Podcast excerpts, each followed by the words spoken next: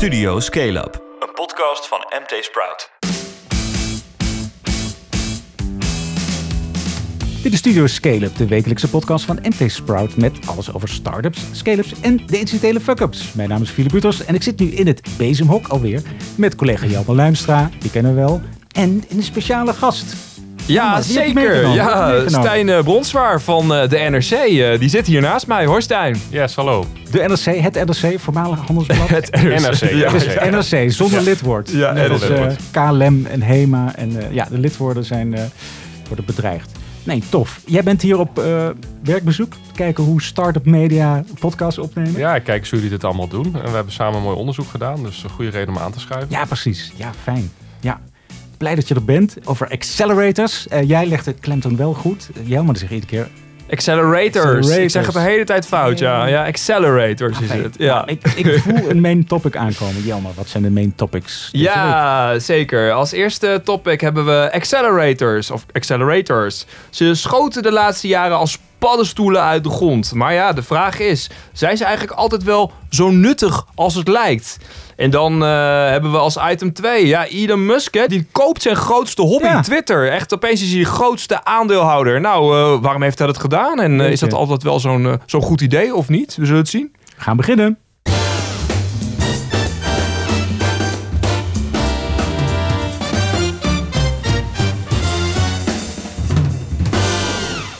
Maar eerst even ander nieuws over startups en scale-ups.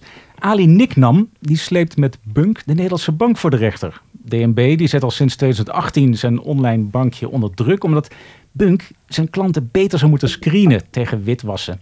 Nou ja, Ali zelf die vindt dat hij waar komt maar eens eh, moet ophouden. Die vindt de bezwaren bizar en die wil dat de rechter een eind maakt aan het ingrijpen door de centrale bank. De kern van het conflict is, DNB wil dat Bunk een set vaste regels gebruikt tegen witwassen. En Bunk die zet liever een lerend AI-systeem in op basis van kunstmatige intelligentie. Super tof. Ja, analisten geven weinig kans dat hij echt eh, gaat winnen. Maar de grootbanken die zijn best blij dat Nick nam eigenlijk een beetje de, de kooltjes uit het vuur haalt hè, met zijn tegenoffensief. Ja, het is toch altijd zo met DNB en Fintech. Dat is niet echt een goed huwelijk eh, doorgaans. Eh, met Molly was Het in het verleden Ja, geloof ik ook altijd al Ja. problemen. Dus Ja, nee, en het, het lijkt me ook niet dat, dat Bunk een witwasparadijs is, maar Nee, nee. Maar goed, ja, je moet er aan de kant ook ergens op controleren natuurlijk. Goed, het wetsvoorstel dat het voor start-ups en scale-ups makkelijker moet maken om hun werknemers met opties te belonen, dat gaat alsnog ongewijzigd terug naar de Tweede Kamer. Ja, die hield het voorstel dus vorig jaar nog tegen, omdat het niet alleen kleine, maar ook grote bedrijven, dat die ervan zouden profiteren van de fiscale vriendelijkere behandeling. Ja, eh, staatssecretaris Marnix van Rij die zegt nu dat hij het te ingewikkeld vindt om ja, de wet te beperken tot bedrijven met bijvoorbeeld 250 medewerkers. Dus het lijkt erop dat die, eh, dat die wet eh, nu toch binnenkort gaat komen. ja, we zijn gewoon terug bij november 2021. Ja. En ja, de lobby is dan deels geslaagd, denk ik, van de Dutch Startup Association en TechLeap. Iedereen wil deze regeling. En eh, het is een goed begin. Ja. Maar die 1 juli Ja. wordt dus niet meer gehaald. Dat, wil- dat was de eerdere belofte van de... ja, ze hebben het volgens mij nu over 2023 geloof ik. Dus eh, nog even wachten voor de start-ups. Oké. En dan EdTech-platform Studoku. In Nederland beter bekend als studeersnel.nl. Dat heeft in Duitsland StudyBeats overgenomen. Hoeveel oprichter Marnix broer betaalt is niet bekend. Maar ja, vorig jaar haalde hij nog 50 miljoen dollar op. Dus het kan vast wel leiden. Dankzij StudyBeats kan Studoku nu 100.000 maandelijks gebruikers toevoegen aan de 750.000 die het er al heeft. Dat is in Duitsland. Want wereldwijd bedient Marnix broer intussen 20 miljoen gebruikers in meer dan 60 verschillende landen. Wow, dat is Ja. een scale-up. Ja, dat gaat hard met Marnix. Ik weet nog dat ik een eh, in Amsterdam-West in een soort van anti-kraakpand in de beginjaren nog wel eens heb opgezocht. En eh, ja, ze zitten tegenwoordig in een supergroot mooi pand hè, aan eh, de grachtengordel. Dus eh, ja, dit, eh, dit gaat goed met, met hun.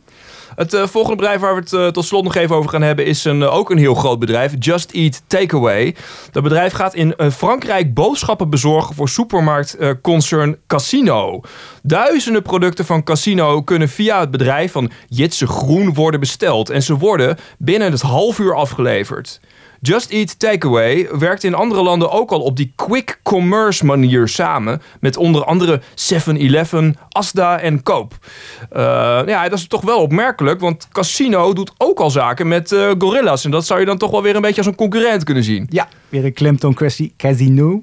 Maar dat is gek, hè? Want die gorilla's doen het. Ja, die beloven 10 minuten, maar die doen het binnen een Ja. half uur. En dan hebben ze dus twee, Maar goed, Frank is groot. Twee partners waarmee ze dan gaan, gaan quick commerce. Zo hem wel erin, hè? Quick commerce. En is er nog geld opgehaald, Jammer? Ja, nou, we zijn natuurlijk even wat eerder eh, deze week eh, met de podcast, dus er is nog niet superveel geld opgehaald, maar we hebben er toch wel eentje. Ehm, waarvan we overigens nog maar moeten gaan zien of het lukt. Het bedrijf heet Inner Lighting. Eh, dat is een producent van slimme verlichting. Dit bedrijf wil 2 miljoen euro ophalen met een aandelenemissie via de Ampex Effectenbeurs. Ja, het bedrijf van oprichter en Jeroen Dalderop eh, wil met de opbrengst sneller groeien. Door bijvoorbeeld een eigen webshop te lanceren die ook klanten in de VS moet trekken. Ja, jeetje, is lang geleden. Ze waren in 2012, had ik ze als start-up van de week. Oeh, 2013 waren ze een van de genomineerden in de start-up van het jaar. Zo lang zijn ze al bezig. Maar nu gaan ze echt groeien. Oké, Ja, dat duurt dan alle toch wel even lang, hè? Ja. door naar de main topics. at the end of the day, what I always advise the, the founders that are seeking an accelerator is to think what is the agenda of the accelerator? What is the focus of the accelerator? Ja. If they are corporate backed, if there's a, the gigantic corporate that is financing all, all, all the operation, what is the agenda of that of that specific accelerator? To mm-hmm. whom to to which interest does that accelerator serve? If mm-hmm. they are government funded, the same thing because someone is paying the bills, someone is footing the bills, mm-hmm. And that determines also what is the ultimate agenda of that accelerator. Je hoorde Cowan van Novak. Ehm, dat is de directeur van Accelerator Startup Bootcamp. Ja, accelerators, oftewel groeiprogramma's voor startups en scale-ups, die werden de afgelopen jaar massaal uit de grond gestampt. En ze beloven allemaal gouden bergen, een netwerk van belangrijke zakenlieden en investeerders, grote kans op vervolginvesteringen en coaching door de crème de la crème in ondernemersland. Ja, maar kunnen ze dat altijd wel waarmaken? En ja, wat zijn de nadelen als je als ondernemer in zo'n accelerator-programma stapt? Jelmer en Stijn, welkom. Jullie deden de afgelopen weken samen onderzoek naar de staat van het Nederlandse accelerator-landschap. Ehm, hoe, hoe kwamen jullie eigenlijk bij elkaar? Ja, dat was een beetje eh, opvallend. We hadden allebei het idee om iets met die accelerators eh, te gaan doen. En eh, ik geloof dat jij op een gegeven moment een post hebt gemaakt op LinkedIn. Ja, ja, het begon eigenlijk met een LinkedIn bericht. Ik wilde al langer met die accelerators wat, wat doen. Het is toch een vrij eh, schimmige wereld waarbij je het gevoel hebt, daar zitten verhalen in. Toen heb ik op LinkedIn een bericht gezet van, oké, heb- je hebt je ervaringen, wil je die delen? En ik heb echt nog nooit zoveel reacties gehad. En honderden mensen hebben mij eh, berichten gestuurd. Van ondernemers die. ondernemers, investeerders, maar Oh, ook oké. de accelerator zelf. Met van ja, hier moet je naar kijken, daar moet je in duiken. Het had ik toch het gevoel, er zit echt wat. Eh, en toen eh, werd ik benaderd weer door jullie. En toen jullie waren ook mee bezig. En toen dacht ik van, eh, hebben wij gesproken van laten we het gewoon eens samen doen. Weet je, dus ik ben er heel voorstander van media samenwerken, krachten bundelen. Ja. Dan kun je echt het goed uitzoeken. Ja. Dus eh, dat hebben we gedaan. Zo werkten we met een gezamenlijk eh, Google Docje waarin we al onze informatie bundelden. En eh ja, Heel dat, privacy-vriendelijk. Ja, ja. zo is Ja, het. het is heel net. mooi, want de doelgroep, er zit natuurlijk overlap. NRC-lezers zijn vaak ook ondernemers. Maar ja, we hebben toch ook weer onze eigen doelgroep en onze eigen insteek. Hè? Dus Jelmer, jij hebt je eigen verhaal gemaakt. op mtsprout.nl.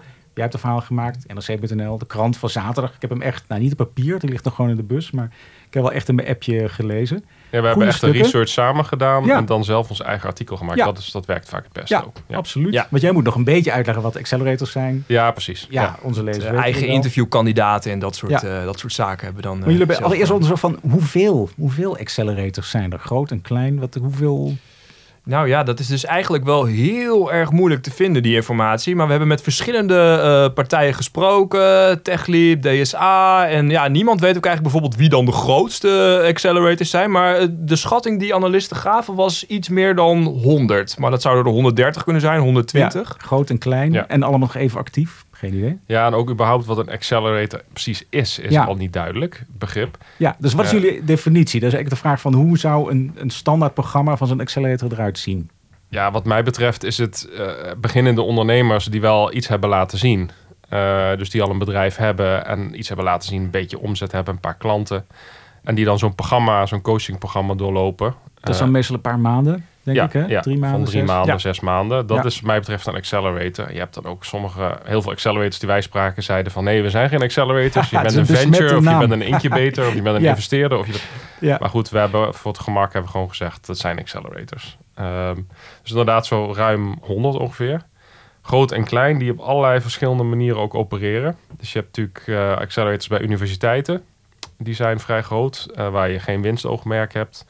Waar dus ook vaak bedrijven geen aandelen hoeven af te staan, geen eh, geld hoeven te betalen om mee te doen. Oké, dat is gratis of, eh, of een paar duizend euro kwam ik ook tegen. Ja, in sommige gevallen betaal je dan nog alsnog wel een success fee bijvoorbeeld. Oh ja, Een, eh, over je Het omzet. hangt dan van je omzet af. Als je een bepaalde omzet hebt, dan moet je daar weer een fee over betalen. Soms heb je nog wel inschrijfkosten, maar vaak is het ook gratis inderdaad bij die publieke Ja, programma's. dus dat zijn universiteiten. Is er nog een andere bloedgroep? gemeenten en zo, die hebben ook een, vaak hun eigen accelerators. En allerlei kleine gemeenten die vinden van... eh, Breda moet ook een start-up hub worden, Oh dus ja, eh, niet? we starten er ook een. En je hebt de grote commerciële partijen, daar hebben wij ons eigenlijk vooral op gericht aan onze eh, stukken.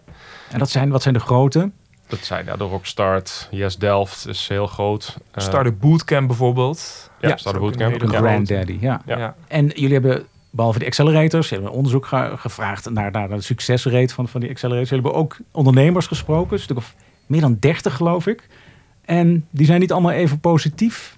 Stijn, wat, wat kwam jij aan, aan commentaar tegen op Nee, accelerators? kijk, er zijn, eh, dat het zijn eigenlijk twee, twee smaken, denk ik. Er zijn eh, ondernemers die eh, erin gaan, die nog niet heel veel misschien wisten van tevoren. Hè, die, die nog nooit een bedrijf hadden opgericht, die misschien net van school kwamen.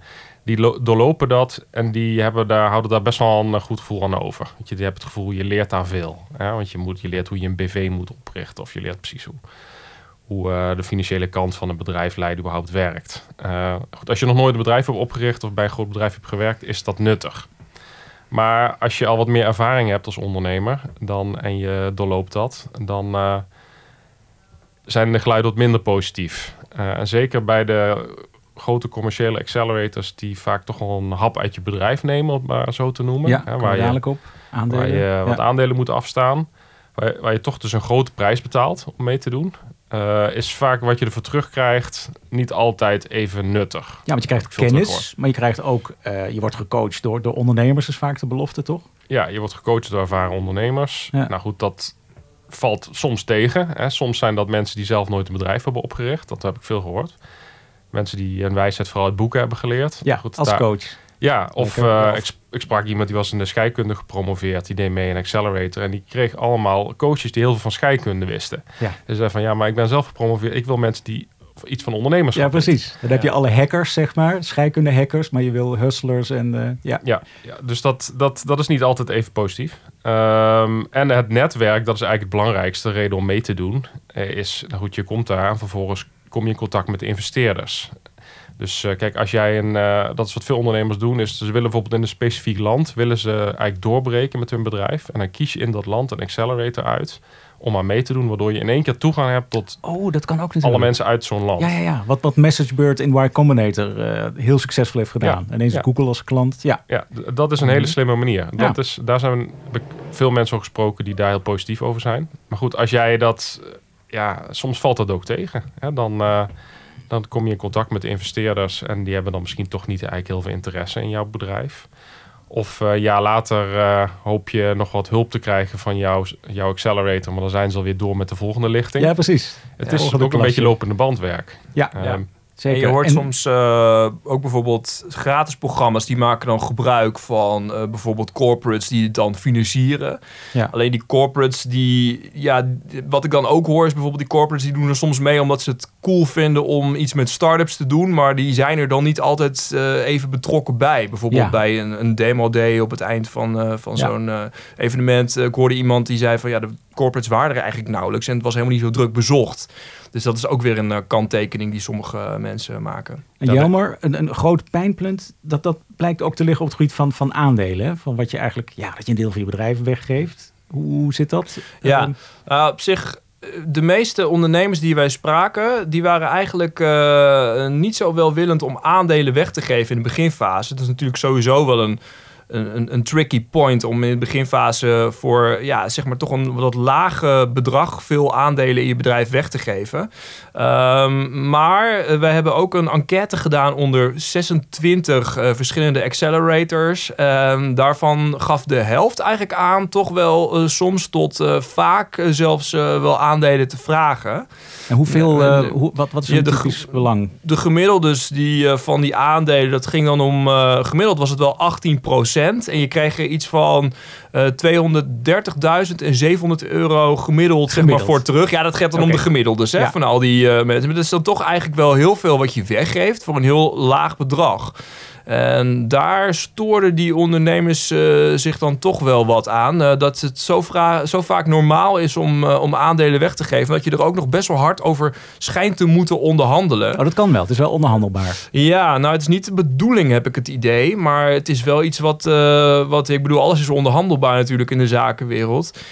Het wordt vooral een probleem als die aandelen ook niet verwaterbaar zijn. dat Want dat is het grootste probleem wat we gehoord hebben. Bij een paar van die accelerators, bijvoorbeeld bij een Startup eh, Bootcamp, eh dan krijg je, de, die willen dan een aandelenpakket eh, van je krijgen. En eh, dat is dan tot een bepaalde waardering. Tot Ja, het is een be- 8 procent. 2 Daar miljoen. zijn ze gewoon ja, eh, 8%, transparant over. 8%. tot en met 2 miljoen waardering gaat het dan niet verwateren. Ja, en dat vinden Ja. die ondernemers toch niet echt eh, heel erg fijn. Want investeerders zitten daar vaak ook niet zo op te wachten. Die willen een, eh, dat zeggen ze altijd, een clean cap table. Die willen niet Ja. andere het minderheidsaandeelhouders. probleem is dat, ze- dat, dat heb ik ook veel teruggehoord. Dat is, eh, je hebt dan 8% van je aandelen aan Startup Bootcamp weggegeven, Ja. die niet verwateren. Op een gegeven moment heb je weer geld nodig, na een tijdje. En dan kom je bij volgende investeerders en die kijken dan eens eventjes en zien ze, ja, daar zit zo'n accelerator aan boord.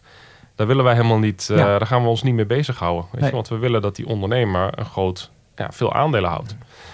En dan moeten die bedrijven zelf met hun accelerator aan tafel om hun eigen accelerator uit te kopen. Dus ik had inderdaad een ondernemer gesproken die dus van haar beetje winst dat ze eigenlijk had geboekt met haar bedrijf, dat had gebruikt om Startup Bootcamp uit te kopen. Ja. Ja, dat is natuurlijk eigenlijk om, dan kost het je echt heel veel geld hoor, om aan zo, zoiets Ja. mee te doen. En heb je misschien nog mazzel dat Startup Bootcamp wil verkopen? Misschien Ja, nou dat doen ze wel, wel vaker hoor. Dat is natuurlijk ook deel van Ja. hun verdienmodel. Is eh, dat ze ook door nieuwe investeerders dan eh, die graag inderdaad wat jij zegt een clean Ah. cap table willen. Ja. Eh, hebben ze snelle exit. uitkopen. Ja, dan gaan Ja. ze dus niet voor de winst op lange termijn, maar toch een, een vrij snelle exit bij de, de, de volgende ronde. ja, Wauw. zeker ja, bij dat is het verdienmodel. Ja, Ja, Startup Bootcamp is daarin wel, gaat daarin wel ver hoor. Daar krijg je 15.000 euro. Ja, Ze noemen pizza geld. Pizza geld. Of Ja, ja, ja. daar kan je pizza's van eten dan in die drie maanden dat je dat eh, programma doet. Per bedrijf. Dus als Ja. je een bedrijf met z'n drie hebt, is dat 5.000 per persoon voor drie maanden. En dan krijg je, dan moet je, ach- en dan krijg je heel veel cursussen en begeleiding. Die schijnt wel redelijk goed te zijn overigens. Maar dan ben je wel 8% van je bedrijf kwijt. Ehm, Ja, en En niet niet- verwateren. ja, maar je kan ook erover onderhandelen. Er zijn veel echt goede, goede start-ups worden gestalkt door accelerators. Eh, met van kom bij ons, kom bij ons, kom bij Ja, ons. want je ziet wel van, we hebben een hele strenge selectie. Maar ik kan me voorstellen, ja, bijvoorbeeld zo'n SendCloud, dat was Startup Bootcamp volgens mij. Ja. Die wil je Ja. wel hebben. Je wil wel een keer zo'n zo'n Ja. unicorn of een succes. eh, Zeker. Dus daar kan je ook onderhandelen. Dus Ja. er zijn veel eh, mensen die gaan ook met die accelerator aan tafel. En zeggen Ja. van, nou ja, verwateren dat, dat doen we niet. Of Ja. eh, aandelen, goed, maar dan willen we wel zoveel omzet voor terug. Daar kan je afspraken over maken. Dus dat gebeurt ook. En soms is informeer jezelf. Dat is Ja. eigenlijk vooral de belangrijkste Ja. tip die wij kunnen meegeven aan ondernemers. Ja. Van, eh, Wat dat te vinden is wie die mentoren. Vroeger stonden ze echt op de website. Hè? Dat je, gewoon, je werd gecoacht door mentoren. Nou, ja, het waren dan meteen 50 ook. Maar dan kon je gewoon precies zien wie je daar zou ontmoeten.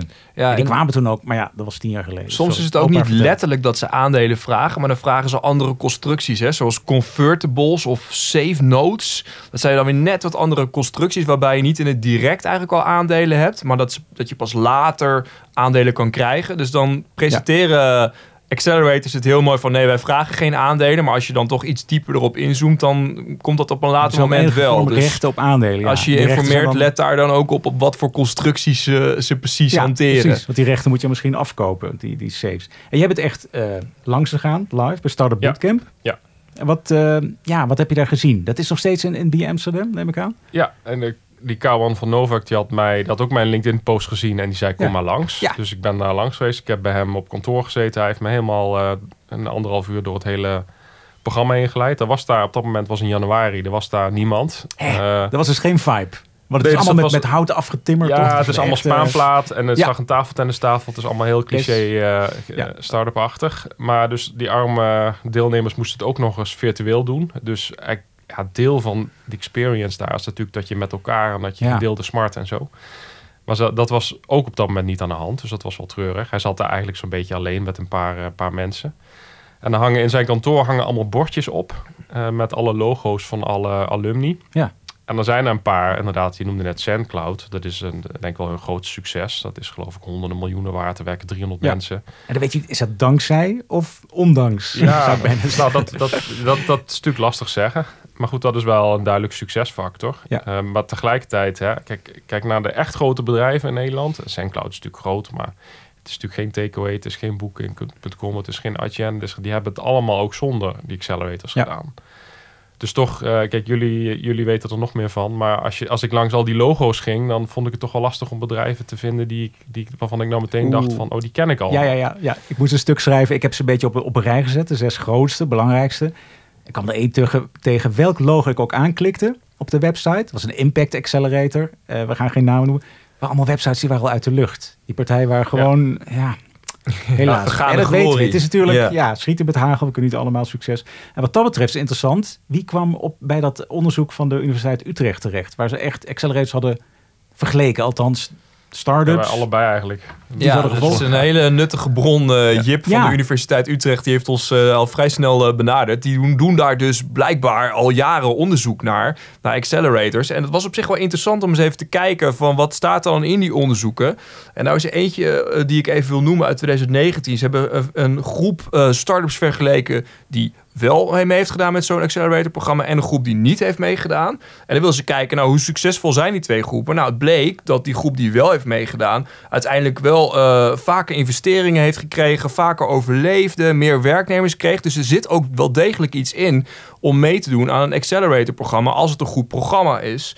Ehm, maar eh, wat blijkt nou te zijn? Uit een onderzoek blijkt dat eh, kennis opdoen en het vergaren van een netwerk, dat is eigenlijk het allerbelangrijkste bij zo'n accelerator-programma. Maar die start-ups die meedoen, die letten juist vaak op de investering die ze ophalen. Terwijl die investering juist helemaal niet zo belangrijk is voor de groei die ze later door zullen gaan eh, eh, maken. Dus eh, ja, de conclusie was daar ook uit een beetje van, ja, let op een, een goede accelerator die een goed netwerk met zich meebrengt. En sta je niet zo blind op die investeringen. Dan kan het best nog wel nuttig zijn om aan zo'n programma mee te doen. Ja, dus dat, ja, dus afrondend. Dus let op wat ze te bieden hebben. De kwaliteit, netwerk, eh, coaches. Let op wat je ervoor weg moet geven. Aandelen of gratis of eh, een bedragje. Of, of revenue sharing. Dat zijn de kleine lettertjes. Ja, durf daarover te onderhandelen ook. Weet Ja. je, verkoop je uit ook duur. Kijk eens naar het buitenland. Naar, eh, dus accelerators die je dan... Nou ja, Y Combinator is het voorbeeld. Maar misschien wil je wel in Latijns-Amerika ergens... ik geloof dat uh, Rockstart heeft bijvoorbeeld in Bogota een eh, programma. Zo, nou, dat Ja, klinkt wel leuk eigenlijk. Nou, als daar je markt is. ja. Geen idee. Ben je nog iets vergeten wa- wat we moeten meegeven aan de luisteraars? Nou, ik denk dat het wel eh, redelijk opzomt. Het is geen no-go. Hè? Jullie zeggen niet meid ze als de pest. Of, eh, Nee, dus, nee, zeker niet. Nee, er zijn ook zeker, zeker echt goede bij. Eh, en het, het is vooral inderdaad belangrijk om je goed te informeren. Maar er zijn ook, ja, er waren ook investeerders die ook tegen mij zeiden van, eh, van eh, je kunt me ook gewoon direct benaderen. Eh, weet je, som, het hoeft niet altijd via die tussenpartijen, weet je wel. Dus eh, misschien moeten startups daarin ook wat brutaler durven zijn. Ja. Weet je, om gewoon mensen gewoon zelf te benaderen en te en, en angels zelf te benaderen. En, eh, Ja. en dat hoeft misschien niet altijd via dit soort partijen die eigenlijk dat voor jou gaan regelen. Want die programma's zeggen dan, we koppelen je aan een coach. Nou, misschien is dat één uur per maand, kan het wel eens Ja. zijn. Terwijl als je zo iemand rechtstreeks benadert en het klikt. Het zijn ook veel mensen, wat jij zegt, ook, eh, net ook zei, van eh, er is een hele schil rond al die start-ups heen. Van allemaal mensen die eh, het heel leuk vinden om zich met start-ups Ja. bezig te houden. Die zelf ofwel zijn binnengelopen ofwel al een vaste baan hebben. Of, en een man zei dat mooi tegen mij, die zei van ja, sommige mensen gaan bij de tennisvereniging achter de bar staan. Ik vind het leuk om met, met van die jonge gasten eh, over bedrijven te praten. Oké. Dus kijk, als dat nou iemand is die eh, succesvol is, die een bedrijf heeft opgericht waar jij zeg maar aan kunt spiegelen, kun je dat soort mensen misschien ook zelf benaderen en het zelf organiseren. ja, precies. En je kan ook zelf een adv- advocaat regelen of een accountant regelen. Of... Ja. En er zijn hele goede cursussen op YouTube ook te vinden. Er zijn hele goede boeken geschreven waarin je ook al heel veel kan leren. Ja. Dus misschien, ja, Komt er nog eh, vervolg? Komen er nog meer onderzoeken, meer artikelen?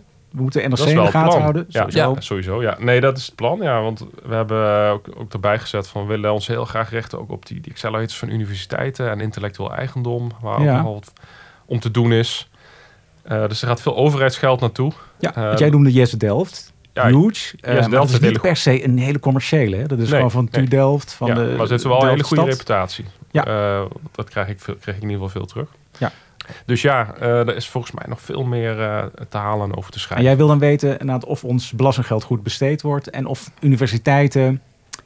Ja, de IP is altijd een ding. Of, of Ja. universiteiten niet te gierig zijn om ook via de accelerators. Nou, er zijn veel weinig, hoogleraren die eh, willen ook graag een start-up beginnen met dingen die ze uitvinden. Ja. En dat, dat clasht soms met universiteiten. En Ja. dat, daar zit natuurlijk, dat schuurt en dat maakt het interessant. Ja, dat is Delft. Twente, Eindhoven is daar, Ja. zijn er beroemd om. Ja. De spin-offs. Nou, daar zien we nog Ja. uit. En we hebben een gezonde mededeling. What? Ja. Nou ja, ik vind het eigenlijk best cool. Amazon Web Services, oftewel AWS, de cloud service van Amazon, die heeft onderzoek laten doen naar de staat van digitalisering van het MKB van ondernemers. En onze John van Schagen, die sprak Angela Best van Kampen van AWS erover. Luister maar. De belangrijkste conclusie is dat het eh, MKB in Nederland al aan het digitaliseren is. Tenminste, zo'n 85% is daar op dit moment al mee bezig. Of gaat dat op hele korte termijn doen? Het is woensdagochtend. Ik ben John van Schagen en we staan hier bij Cupola XS. Een kennis- en innovatiecentrum in de oude koepelgevangenis in Haarlem. Amazon Web Services heeft zojuist de resultaten bekendgemaakt van een onderzoek over digitalisering in het Nederlandse midden- en kleinbedrijf. En daar wil ik meer van weten. Ik ben Angelina Best van Kampen, werkzaam bij AWS en verantwoordelijk voor het commercial klantsegment. En dus onderdeel van de directie. Angelina, zullen we eerst dat begrip digitale transformatie maar eens even ontleden. Waar hebben we het dan concreet over? Ja, digitaliseren is eigenlijk het gebruik maken, de waarde halen uit technologie. Om dingen te versnellen, te vergemakkelijken en kosten te besparen. Dus heel simpel, wat je misschien vroeger deed met pen en papier of opsloeg op een server eh, op je kantoor. Als je dat dan nu eh, digitaliseert, dan haal je er meer waarde uit. En ik ben geneigd om te zeggen, dat doet inmiddels toch elke ondernemer? Nou, er zijn er dus heel veel die daar al mee aan de slag zijn. Eh, wat uit het onderzoek echter is gebleken, dat ze er nog niet de volledige meerwaarde uit halen. Dus dat het vooral is gericht op dit moment op de IT. Interne processen, dus eh, een bepaalde database die dan gedigitaliseerd is. Nou, prima, daar haal je natuurlijk al veel meerwaarde uit. Maar de echte innovatie en de echte meerwaarde eh, zit, hem, zit hem op hele andere gebieden. Namelijk productinnovaties doen, internationaal je business kunnen uitvoeren. Nou, en daar kan ik nog heel lang over praten, maar er zijn gewoon heel veel voordelen die nog te behalen zijn. En nu zeg jij dat het merendeel van de MKB'ers is dus bezig om digitaler te worden. Waar lopen ze tegenaan? Ja, dus het, mooie nieuws is dat ze ermee bezig zijn en dat ze bewust zijn van het belang daarvan. Uh, waar we in het onderzoek ook achter zijn gekomen, is dat ze toch wel wat barrières ervaren. En dat zit met name op kennis, wat ze zelf aangeven. Uh, kennis en skills. Uh, en natuurlijk, het zijn allemaal drukke mensen bij het MKB, vooral de ondernemers. Dus die hebben ook vaak tijd tekort om daar nou eens goed over na te denken en er een stap in te zetten. En waar leidt dat toe in de praktijk? Nou wat, ze, wat ze dus aangeven in het onderzoek is dat dat eigenlijk hun, mate van innovatie beperkt. Dus ze kunnen niet snel genoeg nieuwe producten op de markt brengen. Ze kunnen hun interne processen niet voldoende stroomlijnen. Nou, zo zijn er heel veel zaken waarvan ze zeggen: hé, hey, dat willen we eigenlijk wel doen. Of internationaler zaken doen. Een betere concurrentiepositie vergaren. Maar waar ze merken dat omdat ze niet snel genoeg digitaliseren, dat ze daar nog niet uh, zijn waar ze wilden zijn. Jij bent van Amazon Web Services. Het kan bijna niet anders dat jullie daar ook een aantal vragen over hebben gesteld. Over die cloud. Dat klopt. We hebben natuurlijk gevraagd van oké, okay, als je gaat digitaliseren, beste MKW'er, uh, hoe, hoe zie je de cloud erin? Nou, in 77% van de respondenten die zeggen dat cloud erin een hele belangrijke drijver is voor de digitalisatie. En heb jij tot slot een voorbeeld van een bedrijf dat op deze manier in staat is gebleken om meer business te genereren? Ja, zeker. Dus uh, we hebben daar natuurlijk heel veel van. We bedienen tienduizenden klanten in, uh, in Nederland. Uh, maar een leuk voorbeeld vind ik Ticketswap. Dat is natuurlijk een heel mooi platform waar je als consument je kaartjes kunt verkopen of aankopen. en wat denk ik een heel mooi voordeel van de cloud is geweest voor hun, is dat zij te maken hebben met een hele grote verandering in het aantal bezoekers op hun site. Dus het ene moment wanneer er een groot concert is, is het, hebben ze een, een piek. maar het kan ook weer helemaal neerzakken. Dus een mooi voorbeeld wat ze zelf altijd aangeven is wanneer Ed Sheeran een concert geeft, wat een populaire artiest is, dan uh, hebben ze ineens 15 uh, keer meer mensen op hun platform als op een ander moment in tijd. Nou, het feit dat ze de cloud kunnen gebruiken om, als dat gebeurt, automatisch op te schalen, zodat iedereen op die website gewoon toegang blijft houden en die site niet onderuit gaat, maar ook weer naar beneden kan schalen, want 15 minuten later is zo'n concert uitverkocht en kun je weer terug naar je basisbehoeften. Ja, dus je betaalt niet aan al die overcapaciteit, je betaalt alleen op dat moment voor die extra capaciteit in die piek. Nou, dat is natuurlijk een enorm voordeel qua kosten. Maar het is ook een enorm voordeel in ja, de ervaring die je als eindklant hebt als je een ticket koopt op Ticketswap. Dat die omgeving het dus altijd doet, ongeacht de belasting. Zo jongens, we hebben dus officieel een verdienmodel met de podcast. Ja, supermooi. Nou, zo hoort het. Door naar het volgende main topic. Elon Musk has bought nearly 10% of Twitter for an investment of around $3 billion. The Twitter share price reacted dramatically, as you can see, up 27% on the news. Elon Musk is opeens de grootste aandeelhouder geworden in zijn favoriete hobby, Twitter. En als klap op de vuurpijl krijgt hij een plek in de board van het bedrijf. Weer een verrassende move dus van de oprichter van Tesla en SpaceX. Maar goed, wat is zijn plan nu precies met het eh, sociale medium dat niet zo lekker draait?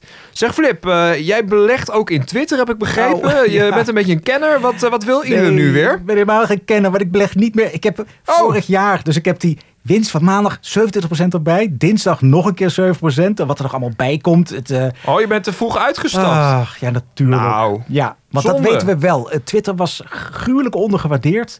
Maar weet je, het is Elon helemaal niet te doen om de, om de winst of de beleggingswinst. Kom op. Mhm. Nee, we weten allemaal. Hij is een groot fan van Twitter. Dag en nacht. Hij heeft zelfs een keer getwitterd van... eh, deze Twitter tweet zend ik vanuit mijn porcelain throne. dus dat is een wc'tje. Hij heeft 80 miljoen volgers. En hij heeft ook altijd gedoe. Hij is een beetje een troll natuurlijk. Vooral met de SEC, de beurswaakhond in Ja. Amerika. Heeft hij echt zoveel mot. Omdat hij dan weer zegt van... Oh ja, ik heb Saoedi's gevonden. Die willen Tesla van de beurs halen. Dat mag niet. Dat is voor kennis. Dat moet je delen via de beurs. Domme niet via Twitter. Ja, en Maar ja. nu eh, wordt hij dus de baas van Twitter, begrijp ik. Nou, de baas, ja, het is een beetje een, een drietrapsraket of zo. Want Ja. hij is goed, ja, zoals een goede troll betaamt, is hij al weken bezig op Twitter. Dat begon twee weken geleden met een Twitter-poll waarin hij zegt van eh, free speech is essential to a functioning democracy, vinden we ook. Maar do you believe Twitter rigorously adheres to this principle? Is Twitter democratisch genoeg? Hmm. Nou ja, iedereen en zijn moeder natuurlijk die poll invullen. 70% nee, dit is niet democratisch genoeg. Oké. En hij zei er al bij, the consequences of this poll will be important. Please vote carefully. Nou ja, dus dat was een polletje 1. Toen gooide hij eroverheen, ehm eergisteren, een polletje van... moet er een edit-button op eh, Twitter? Dus Ja. willen jullie dat je achteraf je tweetjes kunt veranderen? Ja, klinkt handig. Ja, die poll loopt. We hebben allebei meegedaan. Ik geloof dat we allebei, wat zei jij? Ja, ik heb eh, ja geantwoord. Yes. En jij ook, toch? Of niet? Ja, man, Ja. laat maar Twitter. Weet je wat ik dacht? Eigenlijk, het is een fundament van Twitter dat, dat die tweets onveranderlijk eh, blijven staan. Maar eigenlijk, je kunt ze ook deleten. Dus ja. Weet je, het was natuurlijk wel juicy. Dus als toch, je toch uiteindelijk hebt. eh, ja gedaan. Ik, ik had het idee Ja. van, ja, eh, op Facebook en op LinkedIn kun je alles ook aanpassen. ja, dan maar die deugen ook niet. Nee, maar Twitter, Die dat- deugen dat, niet. maakt Twitter bijzonder. Het is Ja. nauwelijks te manipuleren. Ja. Ja, er wordt nauwelijks geld meer verdiend. Dat is natuurlijk echt de pijn van heel veel andere aandeelhouders. Mhm.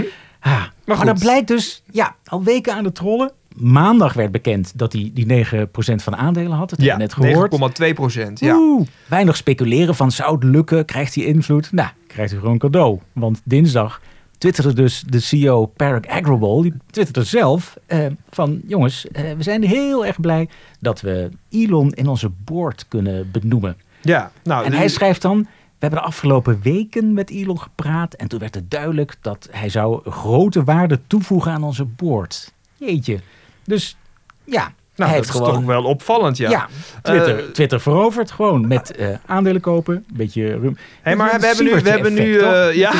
Siebert effect. Hebben- en daar zit die inside pissing out bij Twitter in feite. Hey. Maar we hebben nu natuurlijk de, de bewerkfunctie, dat, dat, daar gaat hij zich sterk voor maken. Dat Ja. komt er nu misschien ook wel. Maar wat, Whatever. wat wil hij nou verder eigenlijk precies aan Twitter veranderen? Want eh, hij is de grootste aandeelhouder, hij heeft nu best wel wat macht. Eh, Hij Ja. staat in de board, zit hij nu, begrijp ik. Eh, Wat, wat Nou. gaat er nou anders worden? Nou, volgens mij, weet je, hij was niet echt vriendjes met die, ehm die Parag Agrawal. Nee. Eh, nu zogenaamd wel, maar hij zit al maanden te besje. En het gaat er eigenlijk om, die, eh die Agrawal zit daar omdat Jack Dorsey eh, de boel niet in beweging kreeg. Die kon Ja. niet het juiste verdienmodel vinden. Twitter groeide niet door, ook qua users, eh, ondanks de, de corona-ellende.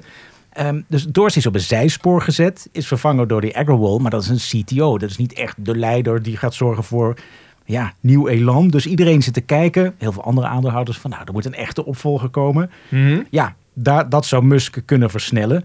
Maar het is Musk natuurlijk niet te doen om zoveel mogelijk geld te verdienen aan Twitter. Daar heeft, hij verdient genoeg met zijn aandelen Tesla en straks SpaceX. Maar hij is meer ehm, een absolutist. Dus hij is een absolute voorstander van free speech. Oké, dus we mogen straks alles erop gooien. Alle, En alle fake news ja, dingen dus- mogen er weer op. Weet je, dus voor de aandeelhoudertjes is het misschien niet slecht dat die koers omhoog gaat. Misschien dat er geld verdiend gaat worden. Dat er een, een, een hele goede opvolger komt voor die Agrowall. Een soort tussenpauze zou dat dan zijn. Ja. Maar eh, blijft Twitter wel Twitter? Nou ja, als het aan eh, Elon ligt, ja, een soort libertariër is hij ook. Ja. Ja, kan straks iedereen alles eh, roepen op Twitter? Is dat goed? Nee, ik ben een beetje van de stroming. Twitter is toch een mediabedrijf, heeft toch wel een beetje verantwoordelijkheid voor nepnieuws en antisemitisme en alle shit. Ja, dat je moet vind toch ik een beetje modereren, Dat toch? vind ik ook inderdaad. Want het, eh, hij zegt ook zelf dat hij op wil komen voor de democratie op Twitter. Ja. Maar ja, de democratie is natuurlijk niet gebaat bij nepnieuws, bij onwaarheden. En daar moet je toch een beetje op filteren, denk ik, als eh, groot bedrijf. Eh, wat opvallend was, was dat hij die... Parag, eh, hè, de CEO, eh, Ja, dat hij die als Agrowall. eh Agrowall inderdaad, dat hij die met een memeplaatje als Jozef Stalin heeft Ja. afgebeeld. Dat Ja. vond ik ook niet echt heel constructief. Hoe zat dat dan precies? Ja, nee, dat is zo- zo'n zo retoucheer eh, meme is dat. Van. Stalin had altijd mede-apparatchiks en die verdwenen dan spoorloos. Maar ook van de foto's met teruggereden kracht. Werden ze heel knap geretoucheerd. Toen nog echt met penseel, weet ik veel. Ja, Nou maar... ja, zo'n grap heeft hij met Dorsey eh, uitgehaald. Toen Dorsey ineens verdwenen was. Het was ook heel, nou ja, geen moment te vroeg. Maar ook wel een beetje eh, onverwacht. ja. Dus de aandeelhouders zaten al te kijken van... er moet nu iets met Twitter gebeuren. Eh, het wordt verkocht. Oké, Eh, maar laten we dan eens even kijken. Als hij heeft nu straks Als het nu heeft hij nu zeggen- 9% heeft hij. Ja, hij staat, zit blijkbaar in de board. Hij wil Twitter veranderen. Hoe groot Hopla. zijn de kansen dat het hem gaat lukken? Ja, ja. En dat is dan, dan gaat, dus aan de ene kant weet hij Twitter winstgevend te krijgen. Nou, dat zal wel meevallen. Maar aan de andere kant weet hij Twitter echt ja, tot die vrijplaats te maken. Zou het Ja. hem gaan lukken? Nou ja, je hoopt het bijna niet toch? Want de ultieme consequentie is dat we gewoon Donald Trump weer terugkrijgen op Twitter. Ja, die zit tegenwoordig met Truth Social. Dat lukt ook niet echt heel erg, eh, geloof ik. Dus misschien dat hij wel weer terug naar Twitter wil. en ik denk ook niet, ik denk zeker niet dat die, dat, nou ja, die ultieme democratie zoals hij die ziet, dat die goed is voor het verdienmodel, toch? Je wil een beetje, adverteerders willen toch niet tussen de ellendige, transfobische, weet ik veel wat, racistische tweets eh, terechtkomen. Nee, dat Dus- denk ik inderdaad ook niet. Nou, Aan dus de hij andere kant is? Facebook natuurlijk ook wel een ontzettend succesvol eh, bedrijf. Maar ja, daar, eh, dankzij- daar, ageren ze tegenwoordig ook volgens mij toch tegen nepnieuws. Er komen er ook allemaal van die balkjes bij Ja, als je nou, nepnieuws Inmiddels over wel, ja. de corona of zo Ja. deelt. Ja. nu het niet meer sky high gaat met, met de verdiensten. Nee, ik geloof daar niks van. Ik Nee. denk dat als je goed geld wil verdienen, dus al die andere aandeelhouders hebben er niet zo'n belang bij dat Twitter echt zo'n free-for-all eh, wordt. ja. Dus ik denk ook niet dat, dat eh, Elon dan met één boordzetel zijn zin krijgt. Dus door Elons activiteiten eh, stort de koers van Twitter op de lange termijn eerder in dan dat het weer zo Nee. naar boven blijft. Dus oftewel, Nee. als je nu aandelen Twitter hebt, verkoop ze ook snel maar weer. Ah, weet je, we zijn geen beleggingsding. En het interesseert, de koers interesseert me niet. Zo sinds ik eruit ben, Nee, willen gewoon dat Twitter ja, mooi ja. blijft. En Twitter eigenwijs blijft. Ja, het is nu zo eigenwijs dat er te weinig geld mee wordt verdiend. Ja, maar goed, het, het, ik denk het, niet dat hij zijn zin krijgt. Het boodschap van Musk zal op de lange termijn niet succesvol zijn voor Twitter. Dat is eigenlijk jouw, jouw punt. Je denkt niet dat hij een goede invloed zal hebben op het bedrijf, ook op de financiële prestaties van het bedrijf. Nee. En het product, de verantwoordelijkheid die Twitter moet nemen voor de inhoud van, van, van alle ellende. Hmm. Ja, dat, dat zou toch een nadeeltje zijn? Ja. Ja. Nou, dit wordt nog een eh, heftige tijd eh, op Twitter dan in ieder geval. En misschien termijn- eh, met Donald Trump dan binnenkort weer terug. Ja, Als en- dat en op- Social van hem dat is helemaal niks. Dus die, die, die zal weer een, iets anders moeten gaan zoeken. Precies. Ze krijgen Trump terug. We krijgen een nieuwe CEO op Twitter waarschijnlijk binnenkort. En Ja, een komt zo'n nieuwe. CEO, denk je ook echt? Ja, toch? Ja, nee, maar die Agrowall, dat is sowieso een tussenpauze. Weet ik Ja. veel, ik ben geen Twitter-watcher, maar die Nee. CTO, die is niet de grote roerganger. Eh, en ik hoop dat Elon Musk het zelf ook niet is, toch? Die, die moet eh, Tesla van de grond krijgen. Ja, dat denk ik ook. Ik vind het ook een beetje een gekke belegging hè, van eh, Elon Musk. Want die zag dat hij bij zijn voorgaande beleggingen het altijd had over de mensheid vooruit helpen. Misschien wel eh, naar, een, weet ik veel, naar de maan met, Ja. met SpaceX. Of in ieder geval zorgen dat de klimaatverandering tegengehouden wordt met Tesla. Maar ik zie niet echt in wat, wat hij nou precies met Twitter voor de mensheid wil betekenen. Ja, de ultieme Ja. democratie. Dat iedereen alles maar mag zeggen. Ja, mag ja, dat maar is dan ook iets voor de grenzen, mensheid. toch? Dat is de kracht van de democratie. Dat, dat de, de grens van jouw vrijheid, die, die begint ongeveer waar andere mensen echt benadeeld worden. En Ja, precies. En... eh, We zijn niet onverdeeld enthousiast over deze Nee. uh, Oké, deelnemer, we zijn ook niet voor censuur. Nee. Weet je, we wachten even af. We wachten en, even eh, af, Zodra ja. Trump terug is op Twitter, ben je de eerste om het eh, te horen. Zo is het. Dit was Studio Scale-up aflevering 49. Vergeet je niet te abonneren op Spotify of je favoriete podcast-app. Deel de podcast ook vooral met je vrienden. En kom met feedback of vragen. philip.mtsprout.nl Stijn, Jelmer, bedankt dat jullie er waren. Ehm, de famous last words, die vraag ik nu aan eh, onze vertegenwoordiger van het voormalige NRC Handelsblad. Laten we meer onderzoeksjournalistiek doen naar de tech-ecosysteem in Nederland. En laten we dat vooral meer samen doen. Weet je, journalisten zijn heel erg geneigd om eh, elkaar vliegen af te vangen. Maar dat is toch eigenlijk eh, niet het maatschappelijk belang. Dus ik stel voor dat we er meer samen optrekken en meer eh, de diepte in gaan. Hulde. Hier. Ja.